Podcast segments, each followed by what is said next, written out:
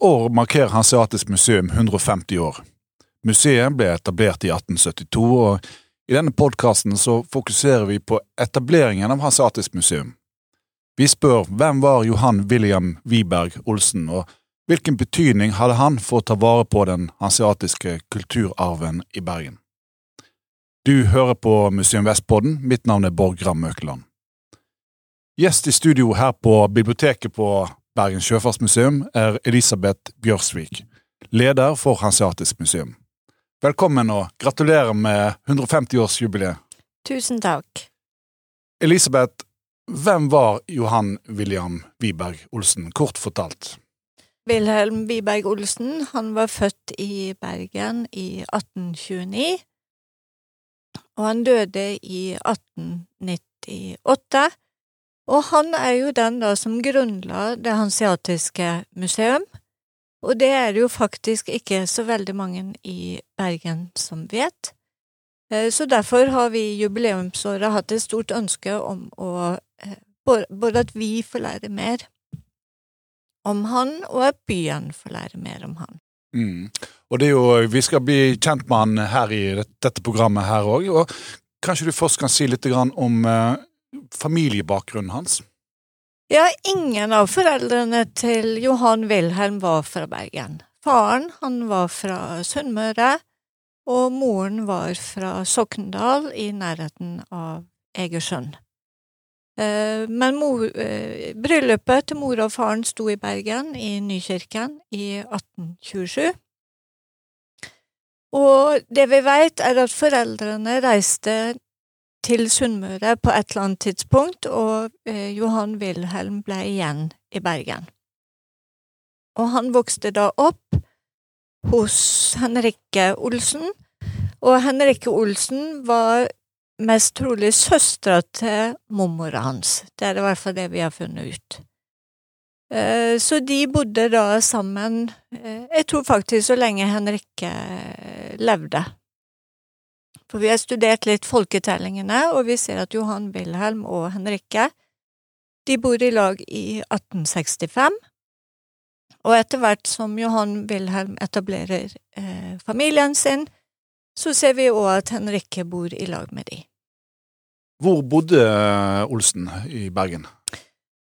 Ja, vi har ikke eh, greid å følge han helt nøyaktig, men de første årene eh, så bodde han nok i nærheten av Nykirken. I voksen alder, når han da hadde stifta familie, så bodde han først i Øvregaten, og deretter, på slutten av livet, så bodde han i Nye Sandviksvei. Vet du noe om eh, ekteskapet hans og familien, og ja, hadde han barn og Ja, vi veit en del om uh, familielivet hans. Han gifta seg i 1868 med Bolette Marie Køhler, som da var fra en kjent uh, Stavanger-familie. Men, men, hva var det han levde av? Hva uh, yrke hadde han i, i Bergen? Johan Wilhelm, han var handelsmann. Og de første sporene etter han som handelsmann, de finner vi i tidlig på 1850-tallet. Da var han eh, hjalp han i firmaet til Johan eh, Christian Koren. Så da holdt han til i Belgården. Ja. Hva, hva, hva, type handel var den, handelsvirksomhet var det han jobbet med? Ja, der kan vi jo se litt i annonser, og vi ser når han da et, han etablerte seg e, Han etablerte eget firma i 1864, og da etablerte han seg i Sjøstuen, det som vi kjenner som Hanseatisk museum i Finnegården. Her dreiv han med trelast og nordlandshandel. Og tidligere så har han antageligvis drevet litt med kull og litt med annen type. Altså, det varier, handelen varierte litt med årstiden. Akkurat. Vil du si at han var samfunnsengasjert? Absolutt. Han var en veldig samfunnsengasjert mann. Og det ser vi ved at han var med å etablere flere foreninger i Bergen, og han var aktiv medlem i mange foreninger. Så han eh, etablerte blant Eller var en av de som etablerte Bergen Skog- og Treplantningsselskap. Hvorfor tror du at han var opptatt av eh, Bryggens historie, og ikke minst hanseatenes historie? Ja, det er jo litt av mysteriet Johan Wilhelm Olsen. For han var jo en handelsmann, og eh, Men det vi tror, eller det er jo at han kommer i Altså, når han kjøper handelsstuen i 1864, en godt bevart handelsstue, så, så, så, er det litt sånn, var det, bevisst, var det, en bevisst, handling? Kunne han kjøpt en annen handelsstue, eller var det nettopp den handelsstuen han ville ha? Og når vi ser på hvordan han opptrer seinere, så er det jo tydelig at han har en stor historisk bevissthet og interesse, og han ser på en måte viktigheten av bevaring. Tror du at den interessen har noe med på en måte bakgrunnen hans å gjøre? Som kjøpmann på Bryggen, for eksempel? I rollen som kjøpmann på Bryggen så ser han jo at det er store samfunnsendringer. Han hører at kjøpmennene diskuterer behovet for en forretningsbank, blant annet, det er på midten av 1850-tallet, og de diskusjonene foregår på Bryggen, sant, informasjon rundt nye ting og moderniseringen i samfunnet, de diskusjonene må han ha vært en del av. Mm. Vil, vil, du si på en måte at den hanseatiske arven, eller minnene om det, på, på en måte var truet på den tiden her, da? Ja, ja, ja. På mange måter var det jo trua, fordi at nå var man på vei inn i det nye. Sånn at Nordlandshandelen var på hell. Hele det norske samfunn var jo på vei fra det førindustrielle til det moderne samfunn. Eh, reguleringsplaner var i ferd med å endre Bryggen. Eh, men men han var jo da en av få på den tiden som tok tak i tanken om bevaring. Altså, det var jo noe av det som gjorde at han på en måte eh, som museumsmann var framtidsretta. Han skjønte at skulle de sporene som var igjen, bli bevart, så måtte noe gjøres. Det var jo òg eh, kongelig besøk i eh, Bergen i hans tid, og fikk det noen betydning for hans arbeid? Ja, eh, det kongelige besøket som du tenker på, det var da prins eh, Oskar besøkte Bergen i 1872. Og det var faktisk bare få måneder før han ble kong Oskar den. Han besøkte det som ble da Det hanseatiske museum, han besøkte Olsen og samlingene. Og besøksdatoen 26. juli 1872, det ble også stiftelsesdagen for museet. Så prinsen, han var med på å lage, eller gjøre sånn at museet blei en fast institusjon, ikke bare en, en manns uh, interesse og samling. Mm. Var forresten prins Oskar var han eh, opptatt av museum sånn generelt på den tiden her? Eller? Han var jo kjempeopptatt av eh, kulturhistorie. Og han tok jo initiativ til å samle middelalderbygninger på Bygdøy, det som på en måte ble utgangspunktet for Norsk eh, Folkemuseum. Og vi ser når han, eller på reiser han hadde rundt i landet, så satt han i hvert passet han på å sette spor etter seg, enten det var av kirker eller statuer eller hva det måtte være. Mm. I eh, 1872 så ble jo altså da uh, Hanseatisk museum etablert, um, i anledning prinsens besøk, og du har kalt uh, Olsen for en museumsgründer. hva ligger du i dette? Jeg legger egentlig ganske mye eh, i det. For det første så lurer jeg jo litt på hva var hans inspirasjonskilder, hva var det han hadde å se etter? For det er faktisk sånn at Det hanseatiske museum er, et, er en ganske tidlig museumsetablering i norsk historie. De museene som allerede var etablert, de var gjerne knytta til eh, det offentlige. Og dette var jo da privat, et privat uh, initiativ. Så, så hanseatisk er et av de eldste, altså i Norge? Altså. Ja, det må man faktisk kunne, kunne si. Mm. Så hadde han jo selvfølgelig Altså, Bergens museum var jo etablert i 1825, Sånn at det fantes jo inspirasjonskilder i byen. I 1881 så kom museumsmannen Yngvar Nilsen på besøk til Bryggen. Han var geograf, historiker og leder for Etnografisk museum i Oslo. Og de gjennom Olsen og Nilsen, jeg syns jo det er litt morsomt Ja, å si, Rimer. eh, det rimer, ja. De undersøkte eh, hvert rom på Bryggen eh, på leit etter gjenstander og arkivmateriale. Og jeg regner jo med at de hadde mange diskusjoner da om museumsdrift og det med formidling, og vi veit at eh, Yngvar Nilsen var på besøk hos familien i Øvregaten, og han var fascinert av eh, og la merke til at det var et hjem for, for kunst og kultur. Men samtidig så er det jo sånn at Nilsen sitt besøk det kom jo nesten ti år etter at Olsen hadde etablert museet. Så det vi kan si om Nilsens rolle, er vel kanskje mer at han har vært med på å profesjonalisere og styrke eh, museumsinnholdet, vil jeg tro. Og på denne tiden her så var det vel eh, mange, altså mange museer som fokuserte på hva skal vi si, bondekulturen, på en måte. Den norske identiteten var viktig her.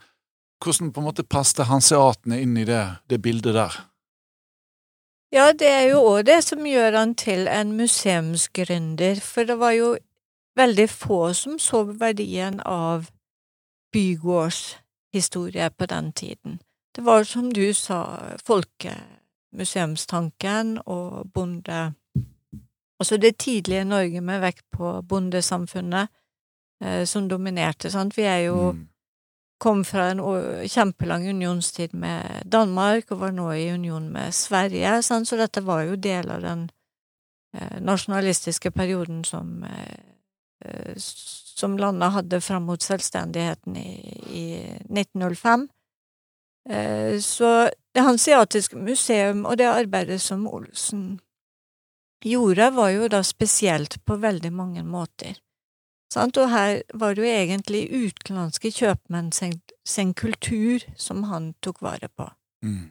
Fikk i- fikk jeg noe interesse også av andre museumsfolk i Bergen, på en måte, og publikummet, byens innbyggere, på en måte, og så var de positive til at man skulle vise på en måte fram den europeiske nesten historien her? Ja, det er jo litt vanskelig å si, da, fordi at når vi prøver å finne hvem som var støttespillerne hans i byen, så er det jo veldig vanskelig å finne noen. Mm. Eh, Men samtidig så hører vi om at museet eh, får anerkjennelse. Det kommer folk på besøk, eh, og jeg mener jo at jeg har sett kilder der det både er lokale og tilreisende som kommer. Mm. Men sånn å bygge han opp og være med eh, og støtte han i selve museumstanken, det har faktisk vært vanskeligere å finne lokale navn. Så han sto relativt alene i, i Bergen. Ja, én kilde sier jo rett og slett at han sto mutters alene. Det var bare han. Så det gjør det jo på en måte enda mer imponerende. Og det har jo sikkert òg en kostnad, sant, altså han driver handelsvirksomhet, skal tjene penger på det. Eh, Så regner jeg jo med at museumsdriften på et eller annet tidspunkt eh, vil ta litt av tiden hans og, og fokuset fra, fra handelsvirksomheten. Men han gjør jo et litt lurt grep, da. Han bygger om Tasken, sidebygningen på eh, Finnegården. Gjør sånn at det kan bli utleie av mer moderne, moderne areal til for eksempel handel. Vi kan jo ta med et uh, sitat her som uh, Håkon Kjetlig uh, sto for. Han uh, forteller jo da om eh, eh, Det hanseatiske museum og på en måte plasserer det inn i landskapet. Kan, kan ikke du ta og lese eh, sitatet her for oss? Ja, det han skriver da, det er Det hanseatiske museum er vel det som gjør det sterkeste, mest umiddelbare inntrykk av alle våre museer. Huset står på samme plass som det har hatt siden tidlig middelalder, nok brent noen ganger i tidens løp, første gang i 1172, men hver gang gjenreist vesentlig i samme form. Over terskelen er det som vi stiger korporlig tilbake i fjern fortid. Det er en flott attest å få fra Håkon Shetling. Ja, og da har han tatt med behandla alle museer i landet i sin oversikt da fra tidlig 1940-tallet. Olsen, han, eh, vi må I forbindelse med hans må vi jo nevne kjøpmann Voss, eh, som han hadde kontakt med. Hvem var forresten Voss? Familien Foss hadde drevet handelsstuen som eh, Olsen kjøpte i 1864. Den hadde de drevet i 50 år. Så de hadde jo kjempe... Eller i hvert fall eh, sønnen, som da het Berent Joakim Foss. Han tror jeg har vært en viktig muntlig kilde når det gjelder hvordan handelsstuen ble brukt, hvordan han ble endra kanskje i løpet av de 50 årene fra 1815 til, til Olsen overtok, eh, og også sikkert ulike handelspraksiser og den type ting. Så i stad, når jeg nevnte eh, støttespillere, så burde jeg jo selvfølgelig sagt Foss, for han har vært med på å tilrettelegge, tilrettelegge og gi informasjon eh, om historien.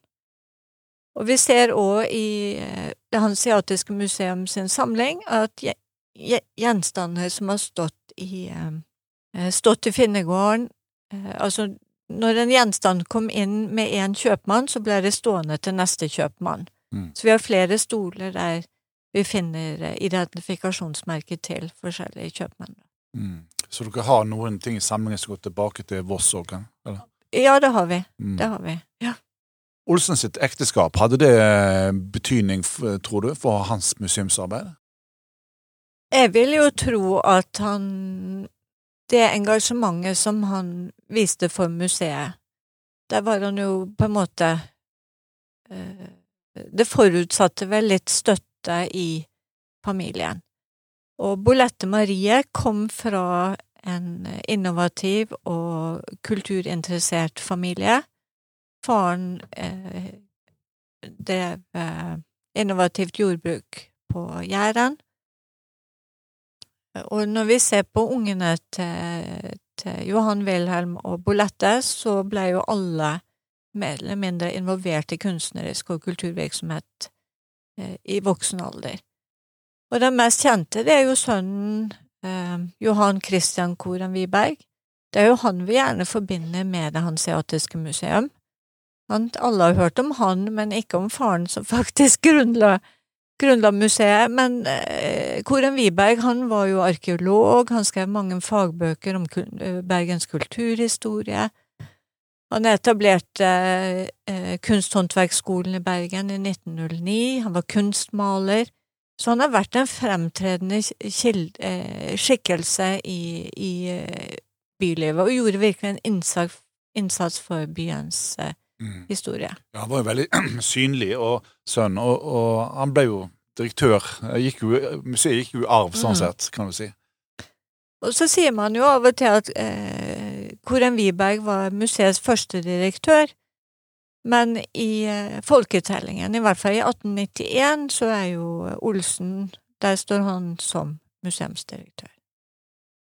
Han brukte jo mye tid på å bygge opp og etablere museet og, og, og etab, ja, bygge det opp, da, kan du si. Eh, men det må jo ha kostet en del, og så vet vi om Hadde han noen økonomiske støttespillere?